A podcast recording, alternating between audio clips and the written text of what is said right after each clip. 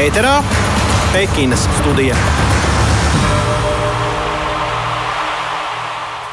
Kā jau katru rītu šajā raidlaikā jūsu ausīs un radioaparātos Pekinas studija, studijā Mārtiņš Kļavnieks un šorīt arī man palīdzēs Daira Zīle, bet uh, sākumā ieskicējuši tematus, par ko tad šodien raidījumā runāsim. Šoreiz sāksim otrādi nekā ierasts. Nevis ar vakardienu, tad šodienu, bet vispirms ar šodienu, tad paskatīsimies drusku arī vakardienā. Šoreiz tā tad sāksim ar šodienu, un šodien sportiskajā ziņā, protams, vienīgais un arī līdz, līdz ar to galvenais starts latviešiem bobslejā. Divnieki sāk savas sacensības. Parunāsim arī par vakardienu laikapstākļu ziņā. Šodien pirmie divi braucieni tātad bobsleja divniekiem, bet hokeisti savukārt vakar noskaidroja savus pretiniekus astotajā finālā un spēle jau rīt. Nedaudz vairāk arī uzzināsim par to, kā hokeisti tiek testēti Pekinā pret covid-19, lai izskaustu um, šīs slimības iespējamo izplatību. Nu, un beigās neliels atskats vakardienas kalnu slēpošanas sacensībās, kur ļoti labs sniegums Mikam Zvejniekam, bet tik un tā ir bažas par nākotni, jo viņa brālim Kristapam bija līdzīgi karjeras labākais sasniegums Olimpiskajās spēlēs pirms četriem gadiem Korejā, Pjončhanā, pēc tam karjeras beigas. Cerams, ka ar Miku tā nenotiks, bet uh, tuliņ ķeramies klāt Pekinas studijai. Pekinas studija. Un šodienas latviešu starts vienīgais un centrālais tātad bobslēga divnieki sāk Oskars Čibermanis un Matīs Miknis vienā divniekā un Emīls Cipuls Edgars Nēme otrajā. Pirmais brauciens sāksies 2.05. dienā pēc Latvijas laika, otrajam starts savukārt 20 minūtes pirms četriem pēcpusdienā. Un, jā, Oskars Čibermanis, Matīs Miknis trasē dosies ar 12. starta numuru, savukārt ar 20. olimpisko spēļu debitanti Cipulis un Nemme. Parunāsim, protams, vairāk par to, kā viņiem gājas arī treniņos un līdz šīm pasaules kausa sezonā, bet tagad mums Pekinas studijai pievienojas kolēģis Tāls Eipurs no Pekinas. Labrīt, Tāli! Labrīt, labrīt. Mums jau te tā kā tāda laba pēcpusdiena, bet jā, jā labrīt. Labrīt arī no manis. Sveiki, Dāri, sveiki, klausītāji! Sāksim ar bobsleju. Tu esi mūsu speciālais aģents ledus trasē Pekinā, un tavs pēdējais uzdevums vēl šajās Olimpiskajās spēlēs ir atspoguļot bobsleju startu gan divniekos, gan četrniekos. Pabija arī viņu treniņos. Mm, jā, jā. Kā, ko tu redzēji no malas? Varbūt nevis caur pašu viņu vārdiem, bet kā tu viņus no malas redzēji, kā viņiem tur gāja? Nu, patiesībā Tur ir tā, ka tos treniņus mums uh, nerāda uh, pilnu video vai tiešraidi. Uh, šad tad tas bija, man liekas, kamanās vai skeletonā, bet bobos es speciāli gāju, lai preses centrā to varētu redzēt.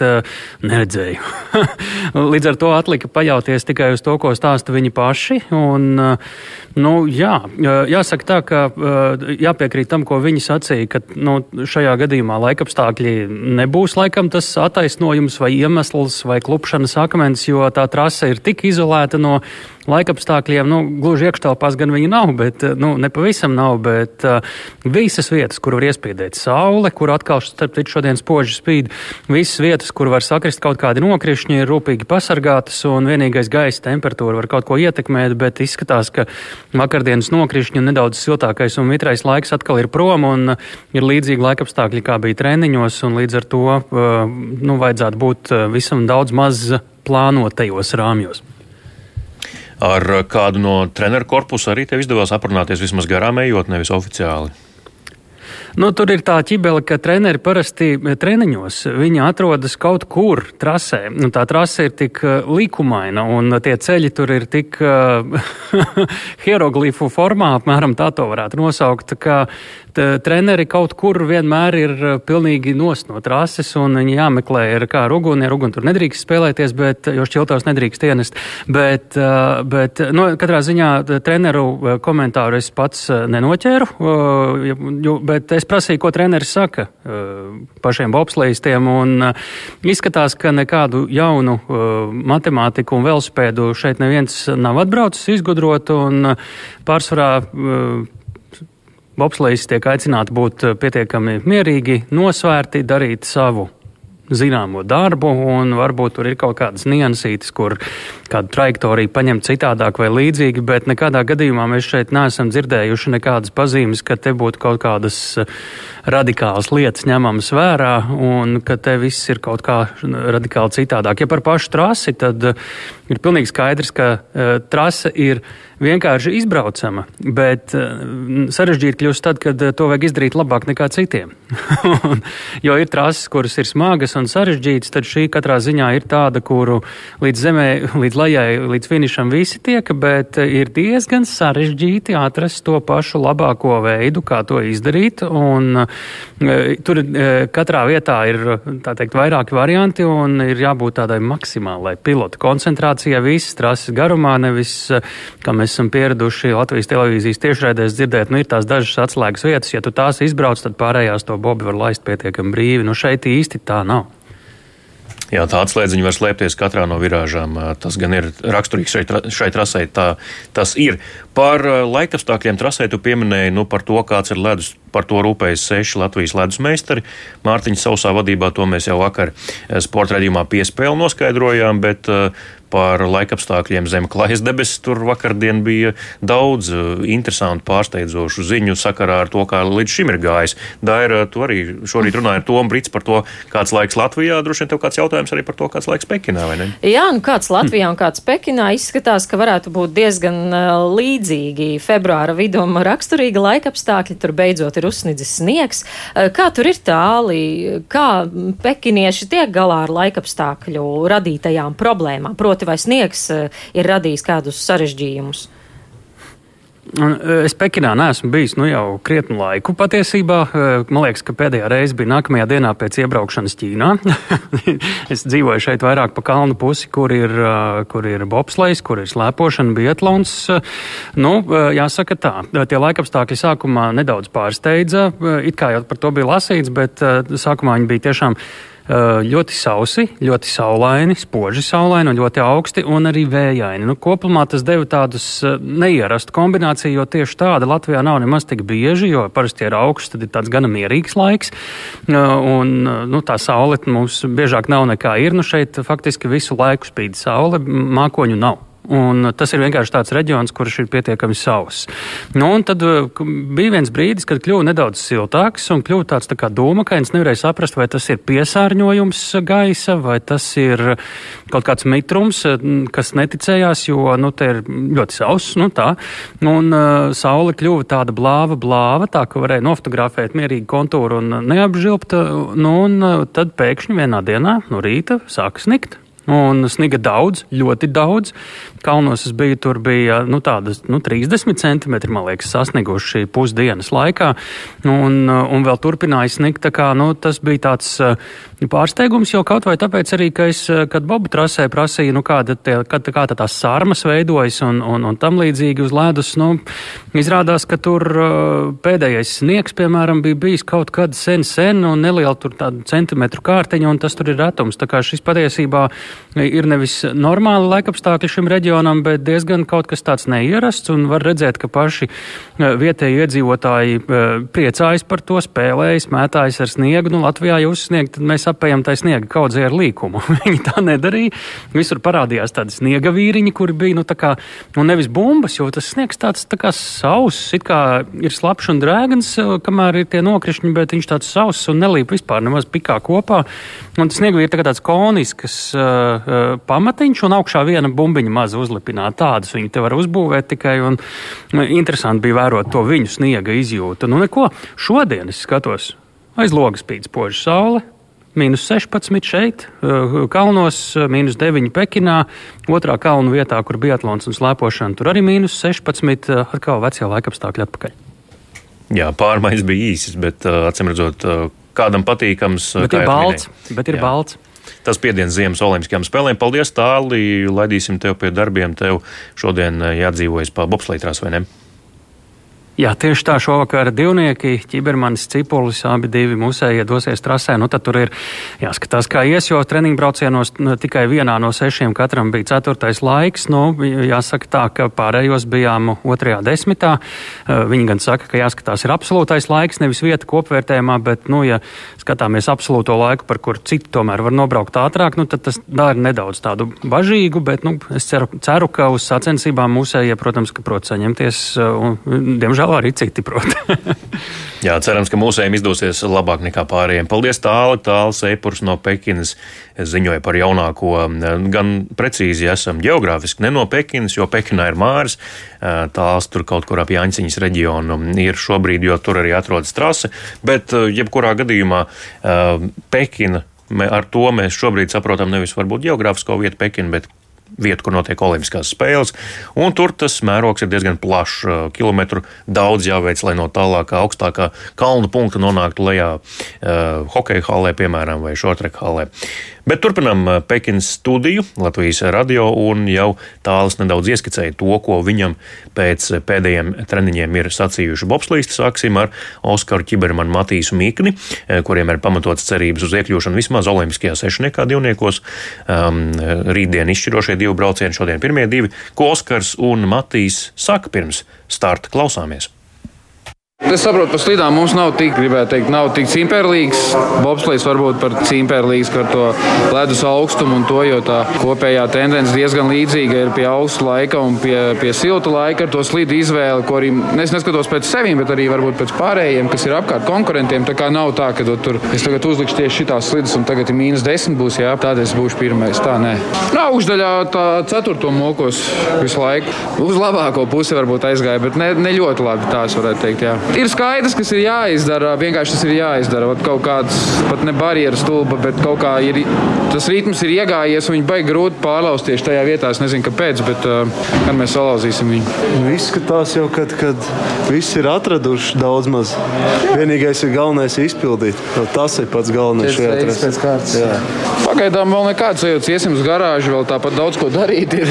Vēl nav, mēs vēl neesam tik, nu, kā saka, vēl mums jāizdara darbi sagatavošanās, lai mēs varētu sākt kaut kādu minimālu satraukumu. Jūs nu, patīkamo gribētos, nevis tādu.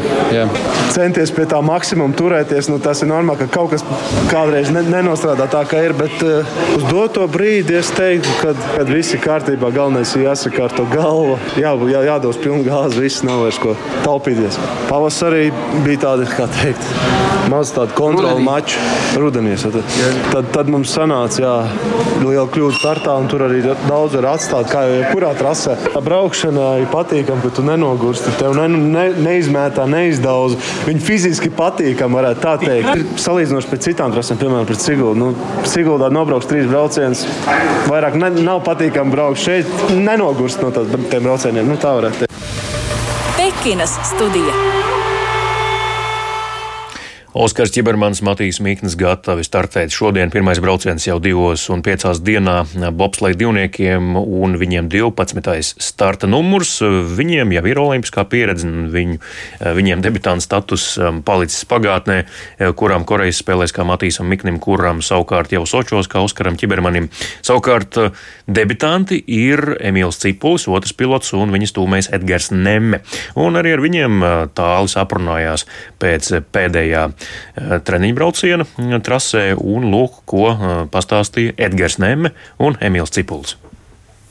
Viņš ir samērā tāds slīps, ir tāds man priekš tomē. Viņš šis vārds patīk, jo te tā kā, nu, tā kā sprints ir jāuzmauc, tad jau manīsim. Man šis vārds patīk. Nu, tas slīpums tieši. Tas to arī prasa. Tā ir koncentrācija visas trases garumā. Nedrīkst atslābt nevienā brīdī, nokavēt, neko nedrīkst. Kā, nu, viss ir jāizdara precīzi un precīzās vietās un precīzā laikā. Kā, nedrīkst atslābt līdz pat pēdējai finiša virāžai, kur arī principā var zaudēt laiku. Jā kā, kā Emīls psiholoģiski pareizi jāietekmē pirms starta, lai viss sanāk? Viņš ir ļoti mierīgs, tur nekas viņš ir.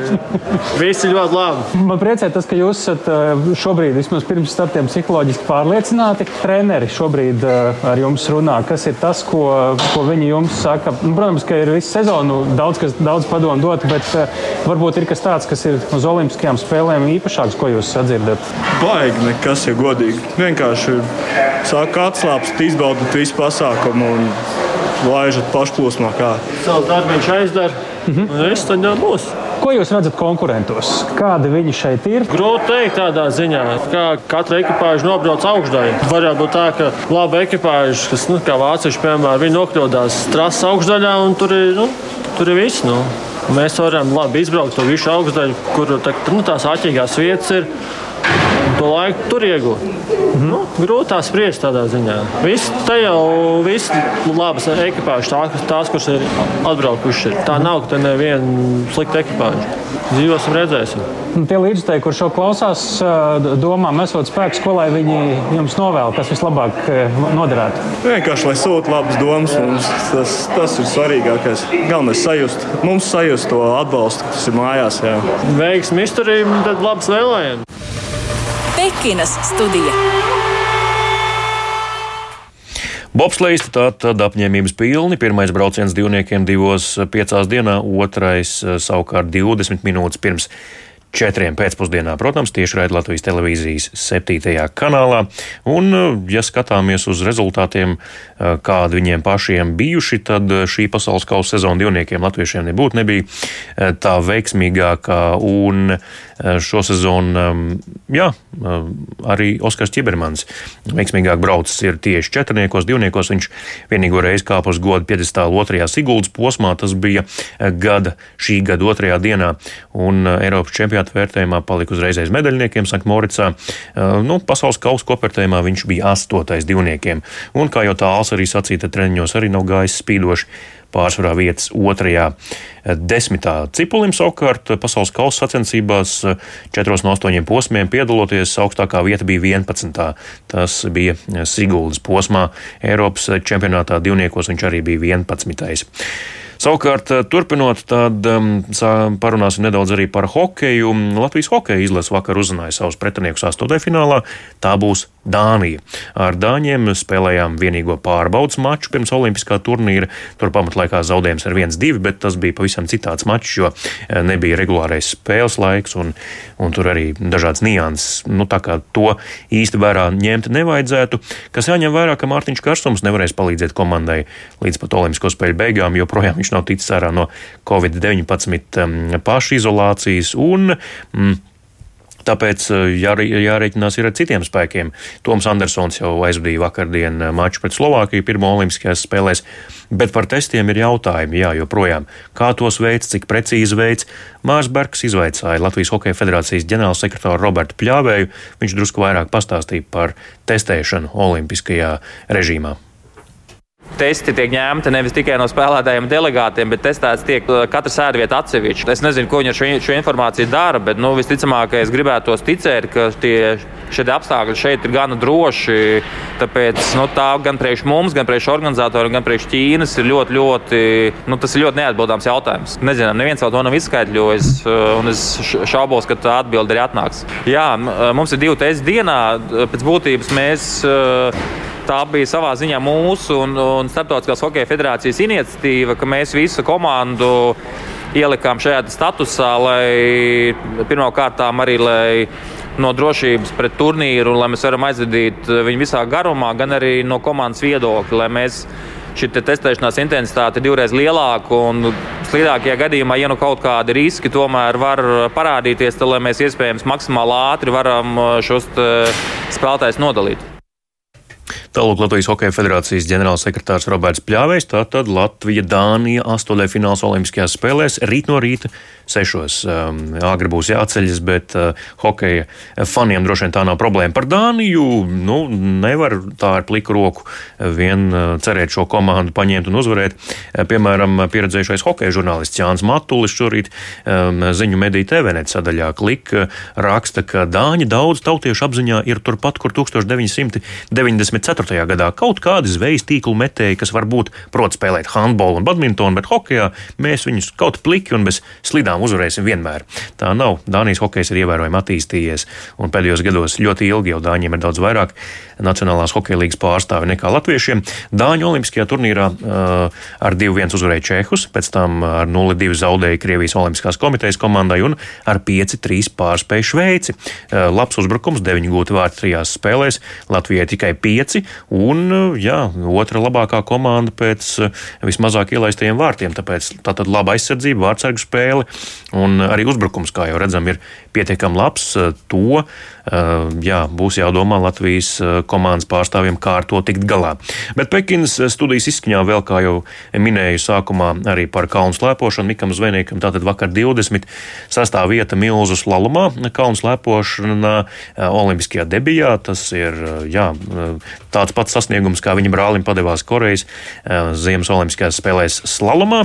Un, nu, tas nozīmē tikai vienu, ka kaut kādas paralēlas ar brāļiem var vilkt. Kristaps pēc neilgi pēc Korejas Ziemas Olimpiskajām spēlēm diemžēl noslēdz karjeru, nevarēja atrast sponsorus mm, nu, un turpināt karjeru. Cerams, ka Mikam tā nenotiks, bet par to, kāda varētu būt viņa nākotne, paklausāmies nedaudz.